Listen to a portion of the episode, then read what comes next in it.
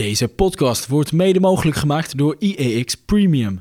Ons team van 9 beleggingsexperts volgt de markt 24 uur per dag om te speuren naar bijzondere beleggingskansen. Voor nog geen twee tientjes per maand bent u abonnee en ontvangt u niet alleen digitaal alle analyses en tips, maar ook een tweewekelijks beleggingsblad.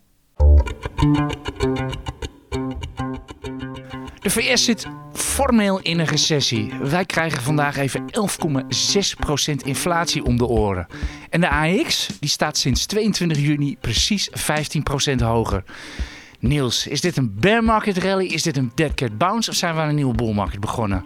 Uh, ik denk dat we aan een nieuwe bull market zijn begonnen. Punt, zeg ik meteen. En ik geef jou, Paul, meteen dezelfde vraag. Dead cat bounce of nieuwe bull market? Ik sluit me helemaal aan bij Niels. Maar een wel... nieuwe bull market, punt. Ja, oké. je mag zo meteen Iets aan... voorzichtig. Maar... Je mag zo meteen aan alle kanten mag je, mag je nuan nuanceren. Oké. Maar je, je weet hoe het Nee, zit met de... Nieuwe bull willen- market, hoppakee. Nieuwe bull market. Oké, dan ben ik de vals speler. Dan zeg ik dat het een dead cat bounce is. Nou, u hoort het al even. Dit is de EX Beleggers Podcast. Het is er vrijdag 29 juli. De AX staat ongeveer op 725. Inderdaad, 15% boven de bodem. En we hebben afgelopen week met een ja, ware cijfer-tsunami te maken gehad. Een recessie die volgens de Federal Reserve geen recessie is. En daarom gaan we het vandaag over een hele reeks aandelen hebben. En uiteraard gaan we het hierover hebben. Bij ons is aangeschoven Paul Weteling. Hij is eh, de tech-analyst van IEX voor de, de Uiteraard is hij, hij hier ook weer. Niels Koerts, de gewone aandelenanalist van, van IEX.nl. Laat ik je zo maar even voorstellen. Mijn naam is Aartje Kamp. Ik ben marktcommentator voor IEX.nl. Dit is de IEX Beleggers Podcast. Die nemen we op aan Beursplein 5. Dat is schuin tegenover een zekere studentensociëteit. Dat kunnen ze zien vanaf hier. Zien jullie nog hetjes rondlopen daar, jongens? Of, eh, Ik, eh, ik zwijg. Ik zit dit verkeerd gepositioneerd. Dus, ja, jij kan het niet zien. In ieder geval eh, opgenomen op Busplein 5. Eh Koen Grutters zit aan de knoppen. Hij maakt hier een, eh, weer een gelikte podcast van. En volgens mij heb ik de hele intro nu gehad, eh, jongens. Wat vond jij? Ik geef natuurlijk jou als gast, zeg maar. Als eerste het woord, eh, Paul. Wat was voor jou de gebeurtenis, het nieuws-event, het cijfer van deze week? Poeh, nou ja, dan... eh, ik, heb er, ik heb nog niet in de cijfers zelf eh, heel diep kunnen kijken, maar ja... Oh, dus we hebben je voor niks uitgenodigd. Nou ja, eh, weet je, ik moet selectief zijn. Ik kan niet over alles een, een- iets, iets, iets zeggen wat iedereen al weet. Maar ik, als ik de cijfers van Amazon zo zie en ik zie de koersreactie, dan is dat toch wel een, eh, een knaller. Maar eh, ja, ik heb, wat, net wat ik zeg, ik heb nog niet helemaal gedetailleerd naar die cijfers gekeken. Oké, Amazon ging gisteren plus 13,6 na beurs op, eh, op fantastische cijfers. Of fantastische cijfers. In ieder geval, ze kunnen doorprijzen. Daar gaan we het zo over hebben. Niels, wat was voor jou eh, de happening deze week? Nou, toch ook wel het rentebesluit van de Fed. Ik bedoel, eh, 75 basispunten verhoging. Een ongekende verhoging hebben we geloof ik al 50 jaar zo'n beetje niet gezien. En de koe en de Nasdaq gaat plus 4% Ja, en de dag erop weer eh, keihard omhoog. Ja. Want dat was de grote vraag. Het was natuurlijk eerder al een paar keer dit jaar dat we heel hard gingen op een eh, rentebesluit. Om de volgende dag het allemaal weer in te leveren. Maar het staat er nu nog. Ja, this time is different. Hij zei het wel in Ja. het eh, rentebesluit. Ik zou me daar ook wat bij aan willen, willen, willen sluiten wat dat betreft. Nou, laat ik dat maar niet doen. Het is zo makkelijk om over een rentebesluit te beginnen. En dan kom ik eigenlijk ook wel een beetje eh, bij jullie uit, naar de cijfers zitten kijken. Wat me opvalt, viel deze week bij de cijfers, is dat bedrijven of met een outlookverhoging komen of met een winstwaarschuwing. Het lijkt wel alsof iedereen in het duister tast. Wij beleggers en handelaren doen het natuurlijk altijd standaard. Waar gaat de AX heen? We worden er iedere ochtend mee wakker. Eh, De Federal Reserve heeft geen idee. Eh, Jerome Powell, de voorzitter, wilde zich woensdag bij het rentebesluit niet uitlaten over de toekomst. Eh, weet het niet, we zien het wel aan de binnenkomende data, zei hij. En bedrijven hebben dus ook geen idee. Of is dat een foute interpretatie van mij? Nou, het is wel heel lastig om dat te voorspellen. Het is alhoewel, je ziet wel bij meerdere bedrijven die nu wel die outlook durven te verlagen. Dat hebben we gezien bij ehm, nou ja, Basic Fit misschien kort waar we het over, eh, over gaan ja, hebben. vandaag cijfers. Ja, ja daar, is- dat- daar zag je ook wel de markt nicht- eh, licht negatief eh, op reageren. Ehm, ik vond Unilever vond ik sterk. Dat viel me ook op. De, dat, dat, dat, wij hebben eerder nog een beetje gespeculeerd. Misschien komt daar wel een winstwaarschuwing aan. Daar zitten we wel, toch wel mis. Unilever kan doorprijzen. Dat was de Ja. boodschap van, het, eh, van, van die cijfers, toch? Of, ja, nee, dat, zo zag ik dat ook. Dus, en, een, eh, en een dollarwindje. 4,9% valutavoordeel. dat is natuurlijk wel fijn als, als, als, als, als multinational. Als je in euro's rapporteert. Ja, op het moment dat die euro echt keihard zakt. Ja, dan gaat je winst die je in het buitenland behaalt natuurlijk eh, fors omhoog. Ja, kijk jij ervan op, Paul? Oké, je volgt Microsoft niet op die voet, maar die hebben ook cijfers. Die hadden juist weer heel erg last van die dollar. Ja, die hebben de, de, ko- de kosten in dollars. Die krijgen de euro's eh, ja, ook binnen uit Europa natuurlijk. Dus die hebben hem omgekeerd. Ja, maar dat heeft Ja. Amazon dus ook. En die verhogen dus zich in Europa het Prime-abonnement met 43 procent. Ja, dat is pittig hè. Ja, maar ze zaten wel heel laag met hun prijzen. Ja, Dat dan is het makkelijker om dat te verhogen. Kijk, bij Microsoft, de onderliggende business was, ik, was echt wel sterk hoor. Ik bedoel, ik had even naar die cijfers gekeken. Ja, onderliggend, met name die cloud business, ja, zij zijn gewoon de absolute nummer één. Alle marktleiders van alle industrieën, die gaan gewoon naar Microsoft. Ja, dat is precies wel wat je wil zien als belegger. En dat maakt dat ik ook positief ben over dit bedrijf. Oké, Niels, je begint, al, je begint al heel enthousiast Ja. over allerlei cijfers eh, te praten. Moeten we het een beetje organiseren? Misschien zal ik om te beginnen maar eens even noemen waar we het allemaal over willen hebben. Ja, ik weet niet of het allemaal gaat lukken. Jij noemde al even Basic Fit. Die hebben vandaag cijfers natuurlijk ook eh Air France KLM. Signify gaat heel erg nat op, eh, op, een- op een waarschuwing. Daar is er weer eentje. Wie hebben nog meer? We hadden heel Big Tech deze week met cijfers. Microsoft, Alphabet, Meta, Amazon en Apple. Heel Big Oil is door geweest. Shell hadden we natuurlijk. En eh, ik zie nu in eh, New York zie ik Chevron en ExxonMobil hoger staan eh, voor beurzen. We hadden voedingsbedrijven Nestlé, Unilever en Procter Gamble. Jij wou het over Tesla en Qualcomm hebben toen wij jou uitnodigden voor deze, eh, voor de, voor deze podcast. En mensen vooral Zeker. nieuwsgierig zijn naar, eh, naar, eh, naar wat je van Tesla gaat zeggen. Overigens heb je gezien wat Elon Musk vannacht eh, gezegd heeft, getwitterd. Ik eh, volg hem niet eh, zo op de nauw Oké, hij zegt dat de inflatie aan het afnemen is. Hij ziet de grondstofprijzen waar Tesla mee te maken heeft. Hij ziet die prijzen wat, eh, wat afkomen. Ja, dat zag ik ook in de cijfers van Ja. AMG. ja, maar, en vervolgens kwam dus dat cijfer van het CBS langs van 11,6% ja, maar dat is terug in de tijd, hè? Jij, ja, gaat het ook over eh, AMG hebben, die gisteren midden op de dag met eh, cijfers kwamen. CEO Hans Schimmelbusch, wat doe je nu? En als we nog even tijd hebben, gaan we het over Ontex hebben in het Vlaamse hoekje van deze... eh, en hebben we Philips al genoemd? Zullen we daar dan maar mee beginnen? Want die waren, die waren als eerste deze Die waren als week. eerst. Ja, je zal, het zal het dan weer bijna vergeten. We hadden het Ja. niet eens op het lijstje staan. Het is gewoon alweer vijf Ja, dagen ja, geleden. Is zo idioot veel cijfers. Ja. staan. La- laten we maar inderdaad, ik heb zoveel namen opgelaten, maar heel gauw beginnen. Begin maar met Philips. Nou ja, het was eh, nog slechter dan verwacht. Ik bedoel, we hadden al gezegd. kon dat dan? we hadden al gezegd van die winstwaarschuwing. En ik had gespeculeerd, ah, dat doen ze wel twee weken van tevoren. Nou, dat hadden ze wel mogen doen met dit soort cijfers. Want dit was nog veel slechter dan ik, dan ik had verwacht. Ehm, supply chain absoluut niet op orde. Eh, orderboek, nou oké. Dat blijft liggen. Maar als je ziet naar hun, hun supply chain, ja, dat is gewoon heel zwak. Zo'n Siemens Healthineers, een concurrent, die, heeft, die noemt dat nauwelijks in hun persbericht. Die hebben er amper last van. En dit bedrijf heeft er wel last van. Philips met name. Ja, dan gaat er intern natuurlijk iets niet goed. Dat, dat was ook mijn indruk eh, bij, bij die cijfers. En we zijn bij Philips natuurlijk ge- gefocust op die beademingsapparatuur affaire. Maar ik had ook bij die cijfers zo van... Ja, waardoor we natuurlijk al twijfelen aan het management van Philips. Ja. Laten, we, het- laten we het maar gewoon zo zeggen. En ik kreeg nog meer twijfels. Inderdaad, jij noemt, jij noemt Siemens. Ze hebben die supply line niet op, niet op orde. Is het, is het ja, management van Philips wel kundig genoeg om door deze tijden heen te Nou ja, komen? goed, ik heb natuurlijk niet, niets voor niets een, een, een discount hanteer ik van 25% op dit aandeel vanwege dit management. Ja, eh, en omdat ze dit soort zaken niet op, niet op orde hebben. Ik heb inderdaad ook niet het meer het vertrouwen in dit, in dit management. En dat blijkt ook wel weer uit de resultaten. Ik geloof eh, van Houten, volgend jaar loopt zijn termijn af. Ik kan me echt niet voorstellen dat dat eh, verlengd gaat worden.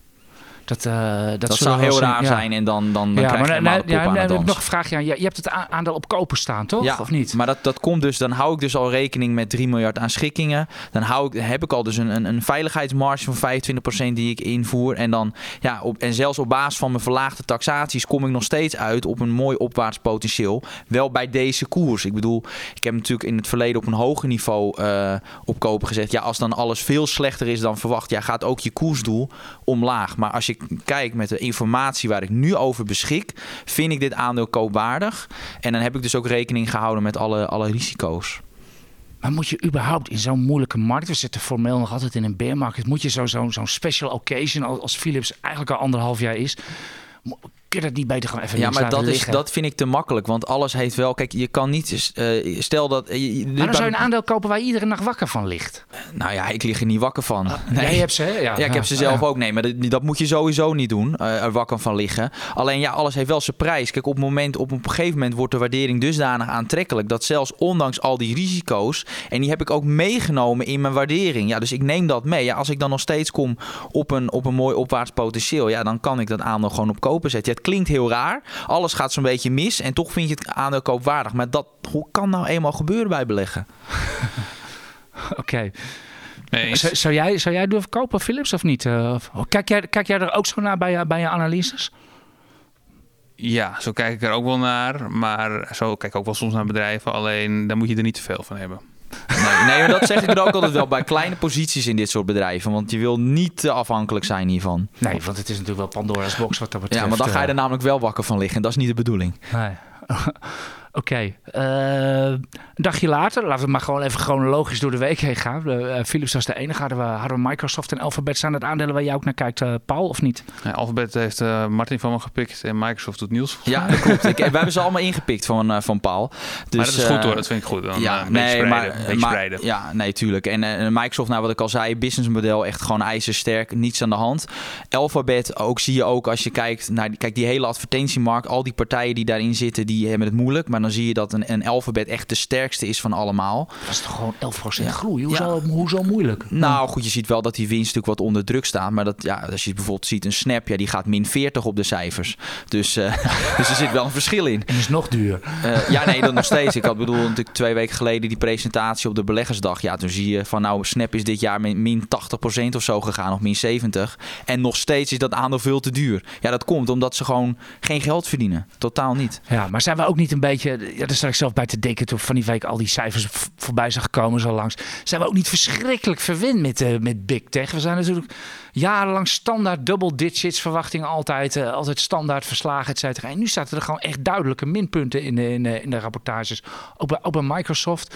Zijn de gouden jaren over? Is het gewoon echt de euforie met Big Tech over?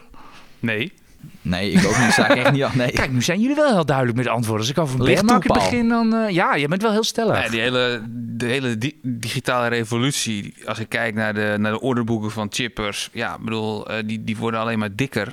Eh, die machines die worden niet allemaal gekocht om eh, broden mee te bakken, er worden gewoon chips mee gebakken. Dus, en die chips worden weer gebruikt eh, om, om, ja, om voor de productie van technologie. Dus telefoons, laptops, dat soort dingen. En uiteindelijk, eh, hoe, meer, hoe meer vraag er naar die apparaten is, hoe meer mensen zo'n apparaat hebben. En hoe meer mensen met zo'n apparaat gaan doen. Dus ook winkelen en al, allerlei andere dingen gaan doen. Eh, online winkelen, online shopping, dus e-commerce.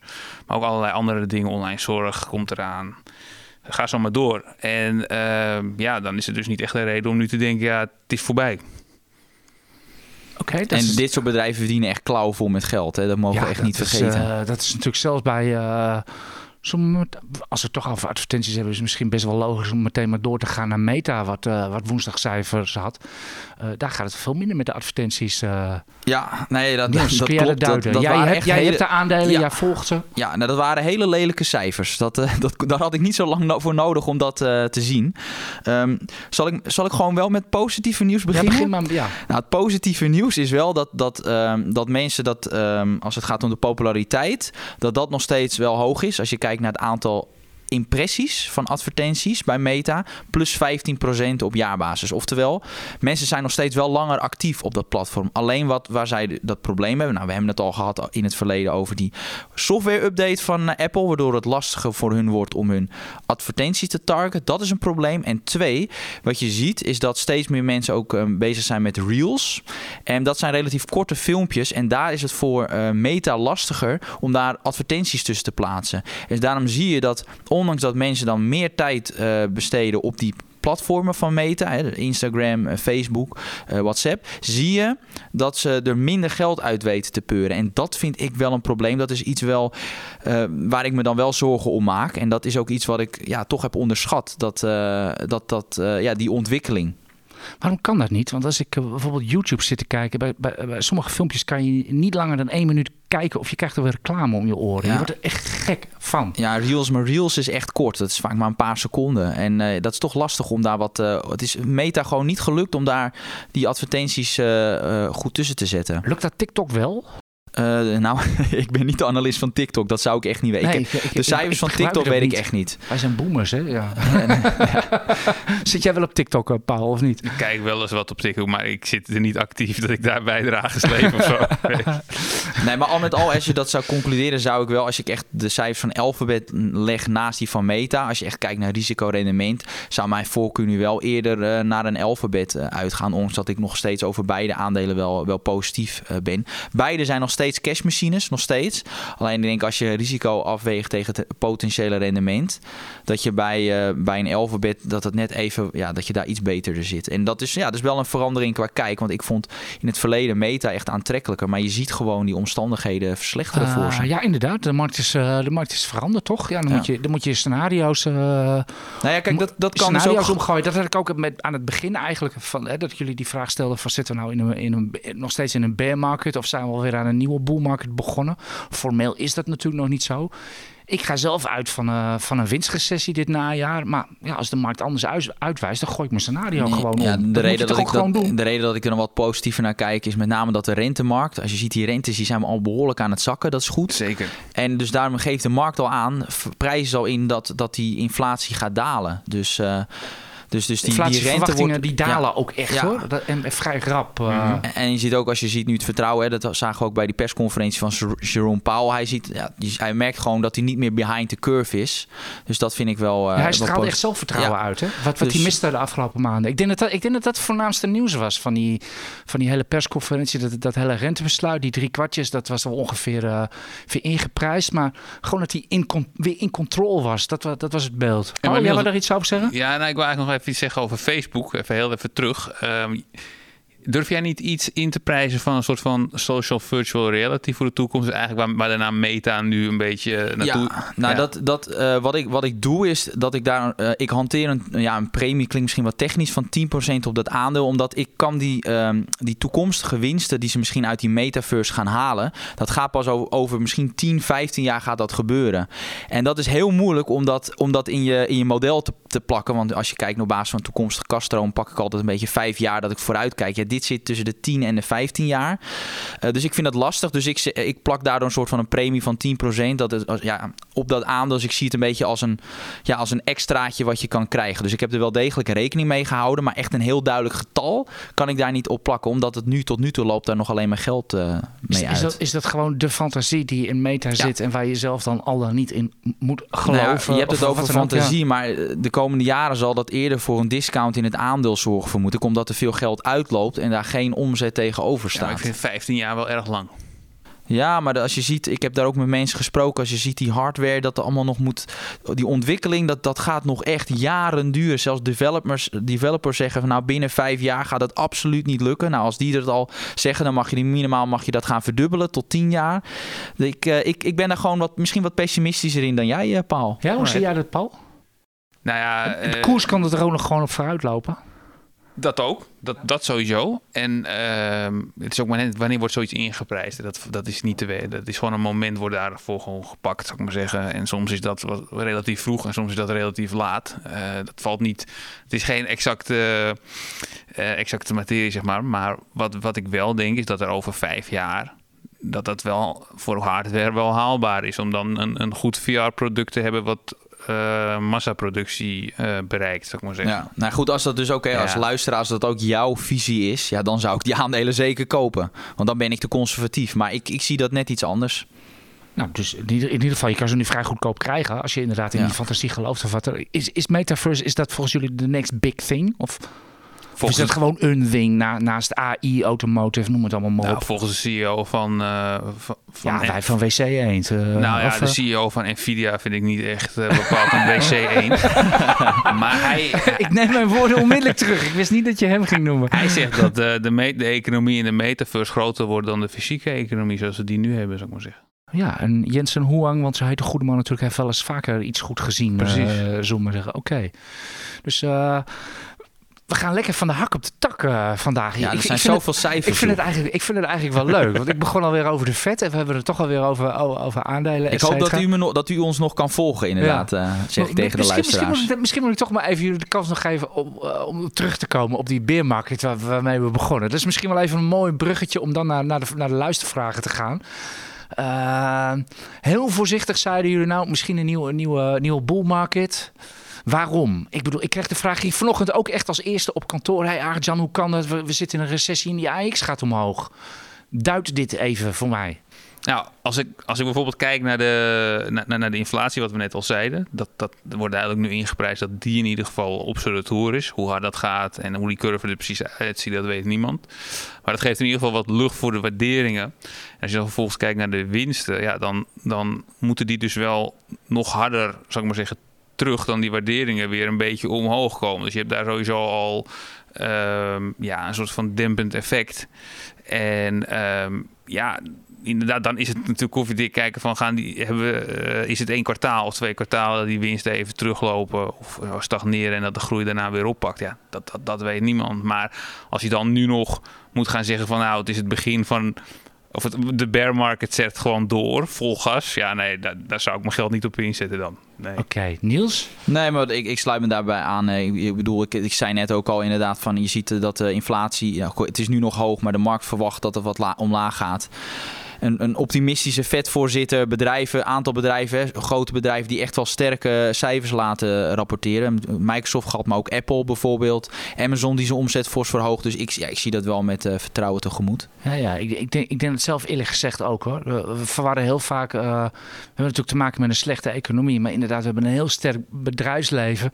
Wat echt geen seconde achter een bureau zit te pitten en, en de boel op zich af, laat komen. Maar gewoon altijd uh, proactief reageert. dus wat dat betreft. Ik ga echt er nog wel uit van een uh, winstdip. En ik denk dat er ook nog wel, als die bear market nog wat langer duurt, er veel mensen afhaken uh, op de beurs. Omdat ze gewoon te lang vinden duren. Nou, ik merk dus, daar uh, nog niks van. Maar goed, maar goed zoals, dat, dat zoals, is goed dat je daar nog niks van Nee, maar ik merk er niks ja. van. Nee, maar ik bedoel ook als je ziet natuurlijk nou, hoeveel luisteraars we hebben. Dat er komen nog iedere week komen er mensen bij. Dus mensen willen nog steeds beleggen. Dus dat is heel positief om te zien. Terwijl het toch best wel flink aan de boom geschud is. Ja. Dus dat is echt wel goed dat misschien toch de particuliere belegger toch even wat steviger in zijn schoenen staat. Misschien is de particuliere belegger van nu wel slimmer dan 20 jaar geleden. Maar ze kunnen in ieder geval veel beter tegen koersdalingen. Dat, dat is wel zo. Ik bedoel, ik, bedoel uh, ik heb een rondje horrorgrafieken gedaan met een collega, een collega van ons. Hoeveel aandelen er wel niet op min 90 staan? En dat zijn al die populaire namen uit zeg maar, de lockdowns, uh, et cetera. Dus ja, ik denk dat iedereen wat dat betreft toch wel wat de dalingseelt uh, op zijn ziel ja, En betere informatievoorziening natuurlijk. Ja. Bij deze, Bij deze. dan maar. Is dat, is dat een mooi, nou, dat is denk ik wel een mooi bruggetje om naar de luistervraag te gaan. Ja, luistervraag, ik zeg het goed zo. Alright. Niels, brand los. Wat heb je Ja, allemaal? De eerste vraag, ik denk wel voor jou, AJ, want jij volgt dat aandeel altijd wel met een klein oog. Eh, een vraag van Wouter Vachelen. Wat vinden jullie van de cijfers van Unilever? Uh, die, we hebben het er al even kort over gehad. Die waren, die waren gewoon goed. Uh, Unilever is in, inderdaad in, in staat om uh, flink door te prijzen. Echt de inflatie door te prijzen, dus dat ze zelf geen verliezen hebben. De marges niet al te veel onder druk komen te staan. Dus wat dat betreft is het goed. Uh, fundamenteel is daar natuurlijk wel meer aan de hand. Want uh, Unilever heeft al 10, 15 jaar een structureel omzetprobleem. Daarvoor zijn ook al die uh, activistische aandeelhouders aan boord gekomen. Of ze schrijven hele nare brieven naar het management. Ik denk dat dat voor aandeelhouders en eventueel geïnteresseerden alleen maar gunstig is. Want er zit meer waarde in Unilever dan er nu gewoon uitkomt. Helder. Uh, nu een vraag van Nino Hieltjes. Uh, mannen, heeft de sterke dollar een negatieve impact gehad op de bedrijfswinst van Meta? Ja, ik zie de vraag nu inderdaad staan. Daar hebben we het nog niet eens over gehad. Die, dat valuta-effect had ook wel invloed. Want dat uh, droeg bij, had een negatieve impact van 6% op de winstgevendheid. Want bij een Meta hebben die hebben met name de, eigenlijk een grootste deel van de kosten is in dollars. Omdat al hun personeel in Amerika zit. Dus als je dan je omzet grotendeels ook in Europa haalt, ja, dan krijg je hem eigenlijk dubbel tegen. Dus uh, ja, dat had, die, had je goed gezien, uh, Thijs. Uh, nu een vraag voor Paul. Ben je ooit wel eens negatief geweest over een bedrijf? Want we zien bij jou eigenlijk alleen maar uh, strong buy adviezen. Oh jee. Nou, ja. kom, nou komt hij. Ik weet dat je in het verleden TomTom hebt gehad. Ook als analist. Tom Tom is nog steeds een bedrijf waarvan ik zeg van nou, de, rap- de rapportage naar de, naar de belegger toe is echt nog steeds van een dramatisch niveau. Ja. Ehm, maar ja, de koers die veert de laatste tijd wel weer wat op. Nee, ik ben wel over zoveel bedrijven eh, negatief geweest. Maar ja, de eerlijkheid gebied te zeggen dat we ook het, ehm, het, het, het gamma wat wij kofferen.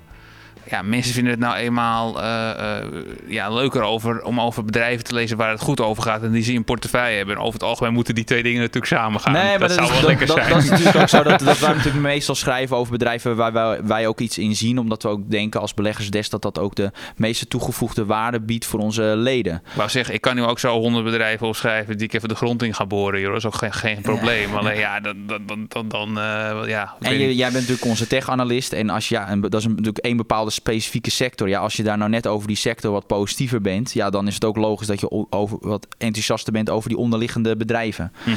Dus eh, ja. Mhm. Eh, nu een vraag. Ik denk wel leuk. Deze is leuk voor AJ. Een vraag van ja, D1971. Zal Ray, Ray Dalio zich al zorgen maken over zijn shortpositie van 1,1 miljard in ASML?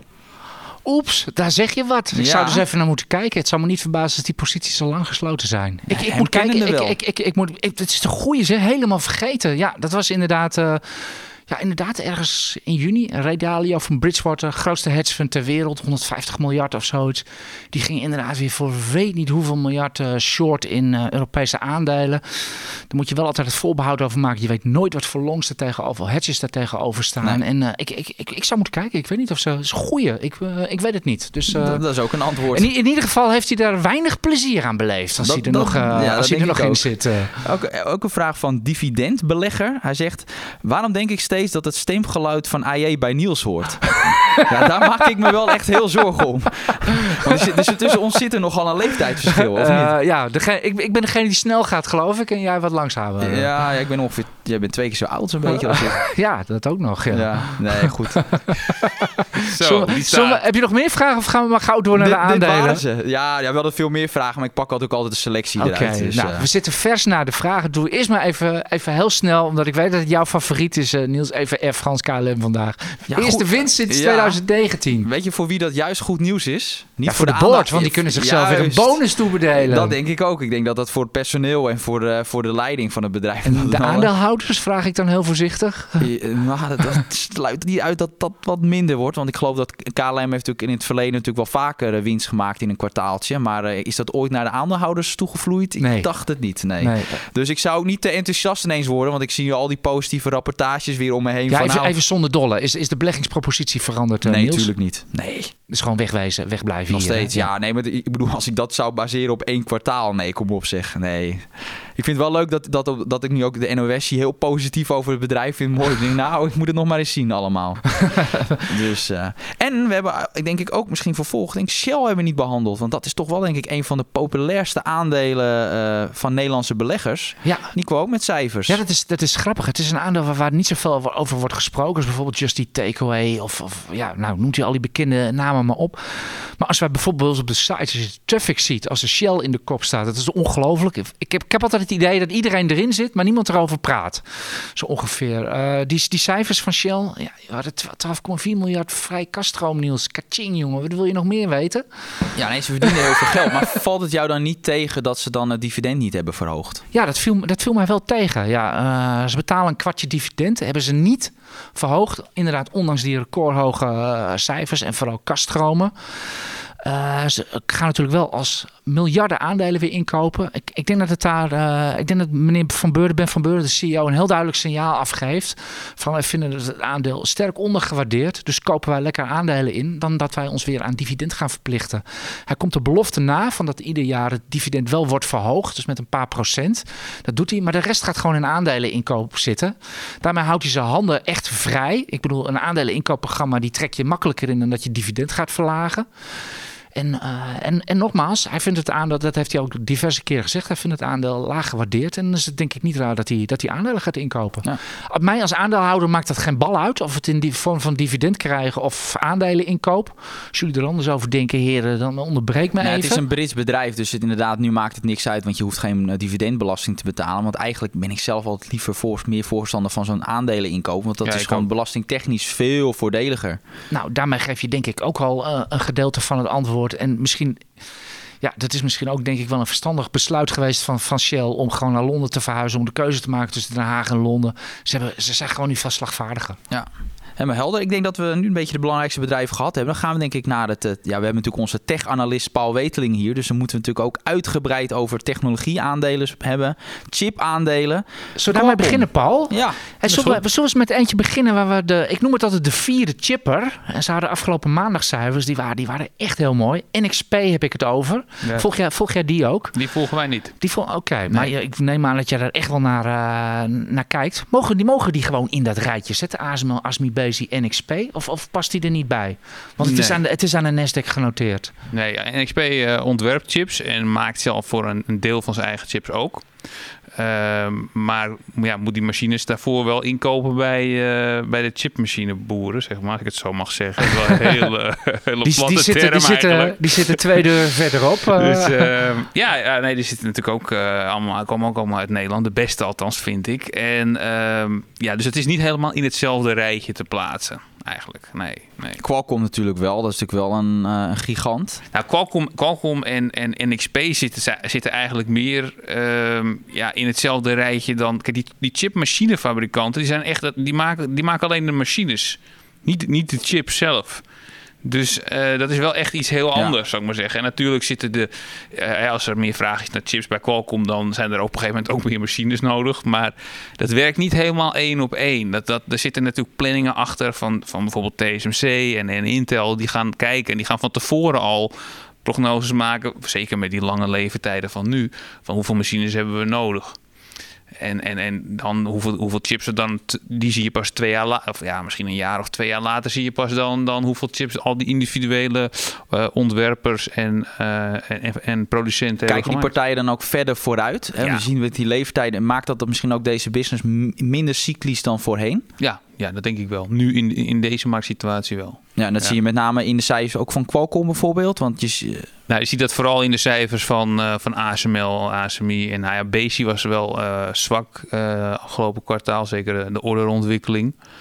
Uh, maar ja, goed, da da daar heb je nog meer die cyclus in dat, in dat gedeelte van, uh, van die chipmachinemarkt. Hoe, hoe kan dat nou? Dat in ja. het ene gedeelte van die chipmachinefabrikant dat het eigenlijk niet meer cyclus is? Want dat, dat mag je eigenlijk denk ik wel zeggen van ASML.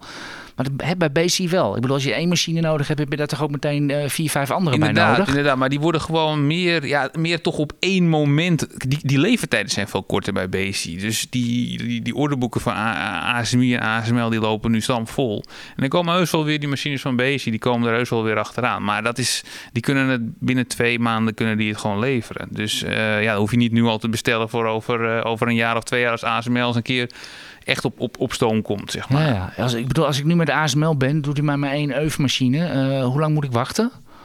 Poeh, of nou, zeggen ze dan, belt u over een jaar maar weer? Of, uh... Poeh, nou, dat hangt misschien ook wel vanaf wat je dan betaalt. Uh, en wie je bent als ja, klant. En wie je bent als klant, inderdaad. Als je TSMC bent, dan, uh, dan gaat het ga je wel sneller. voor, denk ik. Dan gaat ja? het wat sneller.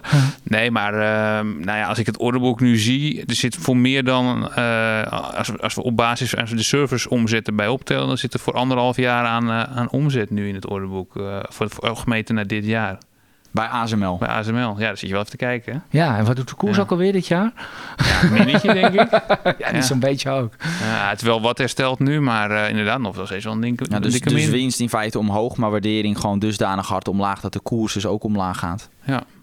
En ik, vind het, ik vind het zelf ook meer het jaar, het jaar van de wa wa waarde, waardering. waarderingdaling dan koersdaling eigenlijk. Ja, dat, uh, ja, nou ja, goed, dat gaat natuurlijk hand in hand. Alleen de winsten zijn eigenlijk gewoon nog steeds best wel oké okay overal. Dus uh, de meeste plekken in ieder ja, geval. hangt wel af natuurlijk welk bedrijf, maar in de regel, ja, uh, ja zeker. Ja. Oké. Okay, nou, jij maakt ook wel eens een grafiekje van met die winstverwachtingen en zo erin. Toch ja, van ik niks, ja, ik doe niks anders. Ja, dus dan zie je toch ook dat die winstverwachting eigenlijk niet echt een enorme dreun heeft gekregen. Nee, helemaal niet. Nee. Ik, ik, heb hem van, ik heb hem vandaag ook weer in mijn morning call gezet. Uh, de, de omzet- en winstverwachtingen van analisten voor de AX. Ja, zoals ik erbij zei, ze zijn niet, ze zijn niet omlaag te branden. Daarom. En eh, ja, we hebben nu wel eigenlijk, we hebben nog niet alle namen doorgehad van het cijferzoom, maar het gewicht, hè, het echte marktgewicht, dat is nu vandaag echt wel door, Mhm. zo langzamerhand. En ja, ze gaan nog steeds niet omlaag. Eh, ik, ja, ik weet, ik weet het ook niet. Ja, het kan ik- altijd nog komen natuurlijk. dat- maar ja, dat- eh, maar ja, als het niet gebeurt, ja, dan, dan gooi ik mijn scenario maar weer eens om. Ik bedoel, Ja, dan is het geen dead cat bounce nou, nee, nee. Ik bedoel, maar als ik één ding geleerd heb op de markt van je moet een visie hebben, je moet een scenario hebben, maar wees niet te beroerd, want zodra de data de andere kant uitwijst, om dat overboord te zetten. En ga vooral niet, eh, niet op je eigen ego af of wat Dat, dan dat, ook, is als, het, eh, ja, dat is als analist ook heel belangrijk. Want wat, wat, wat vaak een fout is die beg- beginnende beleggers maken, maar misschien ook wel iets meer de gevorderde beleggers, dat als een aandeel bijvoorbeeld 50% is gezakt, dat, dat ze voelen van, nou, ik heb nu zoveel verlies, ja, nu ga ik het niet meer verkopen. Maar als, als inderdaad die business case volledig is veranderd, ja, dan kan het wel degelijk zomaar een situatie zijn dat het toch alsnog verstandiger is om bijvoorbeeld tot een ander aandeel naar over te stappen naar een ander aandeel.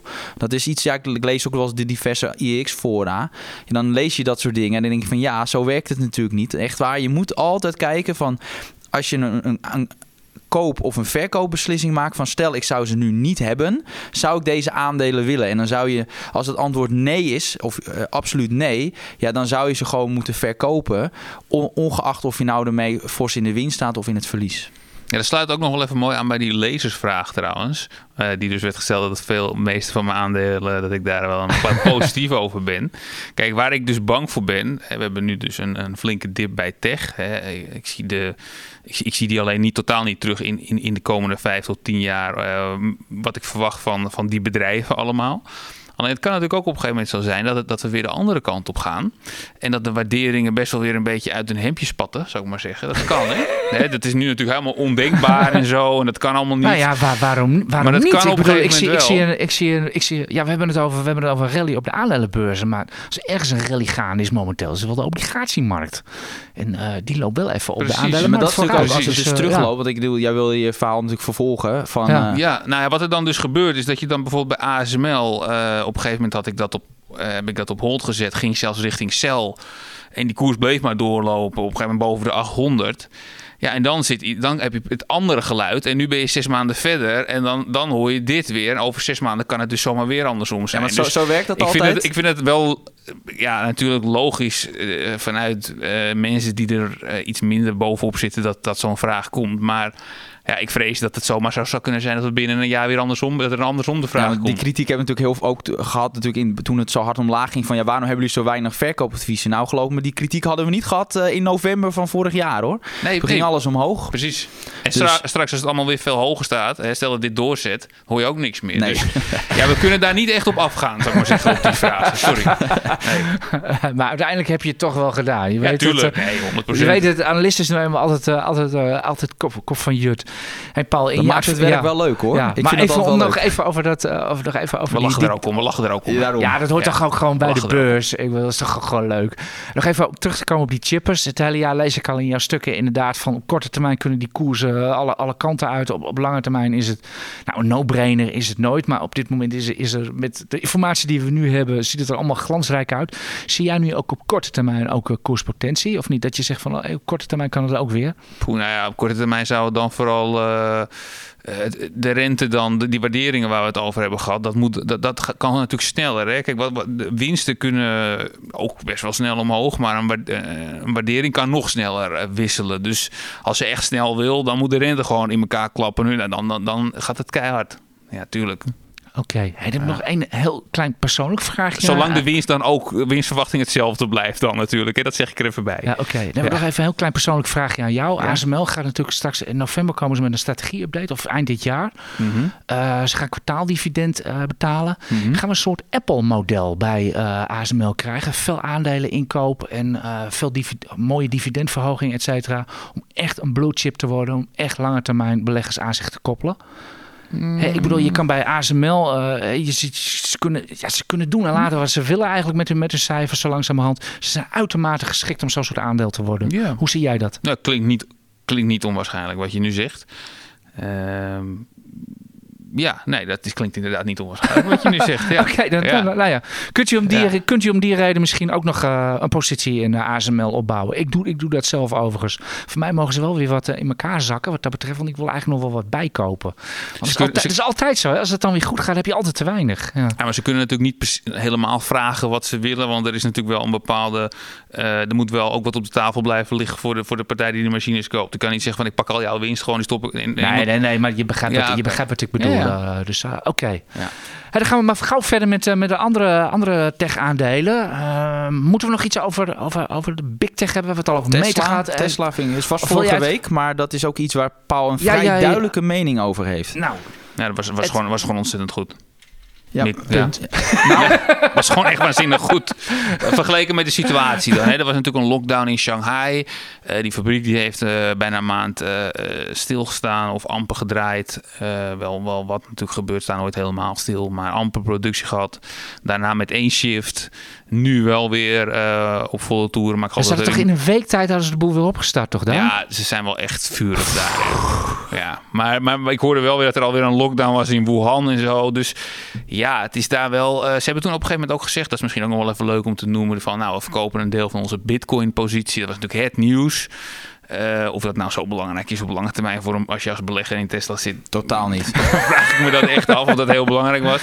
Maar je ziet wel dat ze dus zeggen van oké, we verkopen, we zien toch, we kunnen niet helemaal inschatten hoe die lockdown zich ontwikkelt. En we willen maximale flexibiliteit hanteren. Dus we doen onze meest risicovolle asset als eerste gewoon van de hand. Met gepaste tegenzin, heb ik begrepen. Maar ja, toch driekwart eh van bitcoin. Ja, want ze hebben het gewoon met 50% verlies eh, verko- verkocht. Ja, of het nou uiteindelijk nou een beetje verlies of een beetje winst was, dat was me niet helemaal duidelijk, eerlijk gezegd. Dus, Nou, eh, winst kan het niet zijn. ik geloof- Nou, ik op de denk- top ik zo'n ik geloof beetje. dat op het deel wat ze verkocht hebben, dat daar wel eh, wat verlies op zat. Maar hij is nu, die bitcoin is nu alweer wat aan het oplopen. eh, ja, dat is ook wel weer zo. Ja, nou ja, goed. Nee, anyway, maar dat was natuurlijk totaal niet het criterium. Het ging natuurlijk gewoon om cash te hebben. Tuurlijk, Ja. Tuurlijk. En ze hebben al een bak met cash. Maar ja, er- toch nog maar even een miljard erbij dan. Ja, ja. Ik vond, eh, als ik even in mijn geheugen graaf, het lijkt wel zo lang geleden, die cijfers. Ik vond ze indruk, in- inderdaad indrukwekkend knap. Als je ziet van hoeveel problemen er zijn. Hè, de supply chains, peperdure grondstoffen, twee gigafactories openen, Shanghai dicht. eh, Musk die eh, ook nog wat perikelen heeft met Twitter ondertussen. En, en zelf ook nog eens een gek zitten twitteren dag en nacht. Het kan Ik- allemaal blijkbaar. ik- ik- hoe, hoe doen ze dat er allemaal Ja. bij Tesla? Hoeveel uur hebben ze in een dag daar zitten? maar ze de- hebben ook wel mensen daar dat ik echt denk van... Nou, als ik jouw leven zou leiden, dan ben ik niet gelukkig gewoon, zeg maar. Het is gewoon 23 uur per dag werken, nog meer dan wij. Ja. Dat moet Echt. ook wel. Dat wordt van je Ja. verwacht dat je gewoon nou zo'n beetje... eh, Klok rondwerkt, ja. Dat je echt 80 uur minimaal per week werkt. Ja, weet je. Ja, maar dat is toch niet alleen... de- Oké, de- maar de- de- de- er wordt keihard gewerkt, maar dat gebeurt bij alle Amerikaanse bedrijven. Dat is toch niet wat die cijfers nou zo, zo knap maakt, doordat ze nou zo hard Nou, daar gewerkt gaat er nog wel een schepje bovenop. hoor. Een Ja. all-nighter voor een vijftiger is daar gewoon helemaal niet bijzonder. Ja, maar, maar waar, wat, heeft, wat heeft Elon Musk zo... Wat doet hij zo goed, dat, dat Tesla zo goed door dat kwartaal heen kwam? Nee, gewoon, die- vooral die, die, die flexibiliteit in, in alles. Gewoon nieuwe dingen bedenken, daaraan gedacht, daaraan gedacht, ver vooruit gekeken. Al die risico's, alles gewoon heel goed bekeken. Dus dat die flexibiliteit overal doorheen loopt. En dat is natuurlijk wat moeilijker bij die, bij die Duitse autobouwers. Hè. Dat is natuurlijk allemaal wat logger en zo. Ja. En die lopen echt ver achter. En dat zie je ook qua margeontwikkelingen. Dat eh, ja, de marges die Tesla maakt op die elektrische auto's, ja, dat, dat komt Dat is een niemand beetje, bij een beetje, een beetje het Apple van de smartphones. Hè? Ik bedoel, Tesla is de enige die er echt marges op maakt, toch? Op die auto's. Ja, kunt duidelijk Tesla zien- is, de, Ja. de Apple van de elektrische auto's. Ja, je Ja. kunt duidelijk zien aan het verdienmodel dat eh, Tesla wel eens naar Apple heeft gekeken. ja, ook Ja. wat ze met software willen gaan doen. Ja, ja, overigens, de- als het even tussendoor, de cijfers van Apple waren overigens... Over niet eh, negatieve, Apple doet het Die, best die- goed. ja, die, die waren gewoon erg goed. Hoewel daar ook gewoon druk staat op, eh, op de Macs en eh, de, de, ta- de tablets en eh, die andere dingen, die wearables, zoals dat heet, die horloges, et cetera. Maar goed, de iPhones en services, dat was gewoon weer, eh, was gewoon weer knettergoed. Ik zie er weer tussen trouwens alweer 40 minuten hebben eh, volgepraat. Jij wou nog iets over Qualcomm zeggen? Ja, Qualcomm, nou, ik kan nog wel even kort Of AMG? Of, eh, Nou, Qualcomm heel even kort dan. Dat, eh, dat ging best wel goed met hun, hun Snapdragon-platform. Dat is een platform die ze vooral aan Samsung, eh, bij Samsung afzetten. Ging best wel goed. Dus eh, je ziet toch dat het high-end gedeelte en, en midden van de smartphones toch nog best wel goed eh, blijft, eh, blijft liggen. Dus dat was best wel positief. En dan even door, gelijk naar, door naar AMG. Ja, ja nog, nog even één ding ja? over Qualcomm. Ik zeg, ik zeg al voor het gemak om uit te leggen wat dat bedrijf is. Als je niet kan kiezen tussen die big tech namen, dan moet je gewoon een Qualcomm kopen, want die leveren aan iedereen. Is, dat een Ze- beetje goed eh, afgerond? Ze leveren, eh? ze leveren eh, voor mobiele telefoons leveren ze aan. Bijna, het levert zelfs een Apple. Dus eh, ja, inderdaad. Ja, dat klopt. Niels, jij kijkt heel moeilijk. Oh nee hoor, nee, ik, ik, ik luister gewoon naar jullie. Dat kan- er zijn soms momenten dat je je mond moet houden. Oké. Dus, maar ze gaan ook met, met Internet of Things en automotive zitten ze er ook goed bij. Dus eh, ja, dat, dat bedrijf gaat als leren leren. De waardering is hartstikke laag. Dat is prima.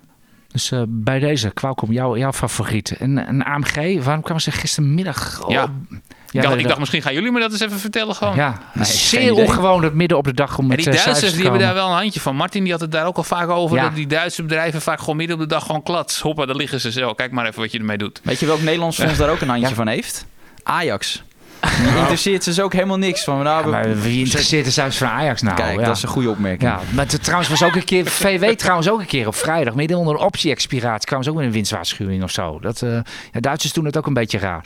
Maar goed, eh, nou ja, Hans Schimmelbusch is de CEO daar, nou, Oostenrijker. Dus eh, nou, laten we het daar maar op houden dan. Ja, gooi daar maar op. Een Oostenrijker, dus midden op de dag. Geduld, was op. Maar goed, dus de cijfers waren wel goed van, van AMG. Ja, was best, was best wel prima. Wel een beetje moeite met een verscheping uit Brazilië die iets vertraagd was. Waardoor ik eigenlijk nog... Ik had stiekem nog op iets meer gerekend. Wacht even, Eh, een schip dat vertraagd is? Een schip? Ja, nee, wat zat daar aan boord? Ja, ja goede vraag inderdaad.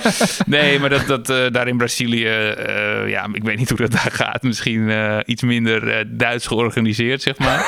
dus, ehm, Was maar- het niet 7-1, Brazilië-Duitsland, zoveel jaar geleden? Dan stond het al 5-0, stond het na 20 minuten. Maar dat is een ander verhaal. Ja, ja, dat, voetbal, dat, dat is voetbal. Eh, nee, maar eh, dus, dus dat, dat hakt een klein beetje in op de, op de resultaten. Maar dat wordt als het goed is dit kwartaal wel, wel weer ingehaald. Dus ehm, ik vond alleen wel, wat je dan wel ziet, is dat. ehm, ze hebben dan ook zo'n minerals divisie. Dat is eigenlijk gewoon, ja, het zijn gewoon losse, losse grondstoffen, eh, losse metalen. En daar zie je gewoon dat de kosten heel erg oplopen, omdat de hogere, hogere energiekosten hebben om die dingen uit, eh, om dat eh, te delven allemaal. En dat hakt gewoon in de marges. Dus daar verdienen ze eigenlijk gewoon heel weinig meer mee. Oh ja, dus denk je op het eerste, eerste gezicht van hartstikke mooi, die grondstoffenstijgingen, et cetera. Maar er zitten dan toch wel weer de nodige haken en, en ogen aan. Ja, ja, die hoge energieprijzen hakken erin voor, voor miners. Dus miners, ja, zeker. Oké, vind je het nog koopwaardig? Ik AMG? vind het zeker nog koopwaardig, ja. Oké, wat verder jouw koershoel, et cetera, dat lezen we, wel, eh, Zeker. lezen we verder wel op de site. Zeker. Ja, om dan nog met, eh, met één aandeeltje af te Ja, sluiten. alleen Ondex, ik zal dat in één zin zeggen. Je neemt me de woorden al uit de mond. Ja, ik eh. wist precies, waar, want dat, ik wist precies, het staat helemaal onderaan het blaadje. Oké, het. Vlaamse hoekje nog even. eh. Ondex, zwakke cijfers, positief bericht dat die Mexicaanse activiteiten zijn verkocht voor 250 miljoen. En dat is de reden waarom het aandeel hoger staat vandaag. Wat lekker mooi kort samengevat, Niels. Zeker. Kan je dit niet altijd bij alle aandelen zo doen? En moeilijk. Daarvoor hebben we ook deze podcast. eh. Het was een beetje een rommelige podcast, denk ik. We gingen van de hak op de tak. Maar we hopen dat, eh, dat u er toch wat, eh, wat aan gehad heeft. Dat u iets wijzer bent geworden over de cijfers allemaal van deze week. Volgende week cijferen we vrolijk door. En eh, krijgen we wellicht alweer eh inkoopmanagers, in, indices, eh, alle economische data. We zullen wel zien of het hier in Europa ook een recessie is. In ieder geval, Hub AX. Wij danken u hartelijk voor het luisteren deze week. En wij horen u graag volgende week weer terug. Bedankt voor het luisteren. Succes op de beurs. Goed weekend. Nog even een reminder. Wilt u de analyses en kooptips van Niels Koerts en de acht andere beleggingsexperts ontvangen? Dat kan. Voor nog geen twee tientjes per maand bent u abonnee en blijft u digitaal constant op de hoogte van de nieuwste analyses en tips. Daarnaast valt er elke twee weken een gloednieuwe editie van het IEX magazine op uw deurmat. Meer weten? Ga naar iex.nl/podcast.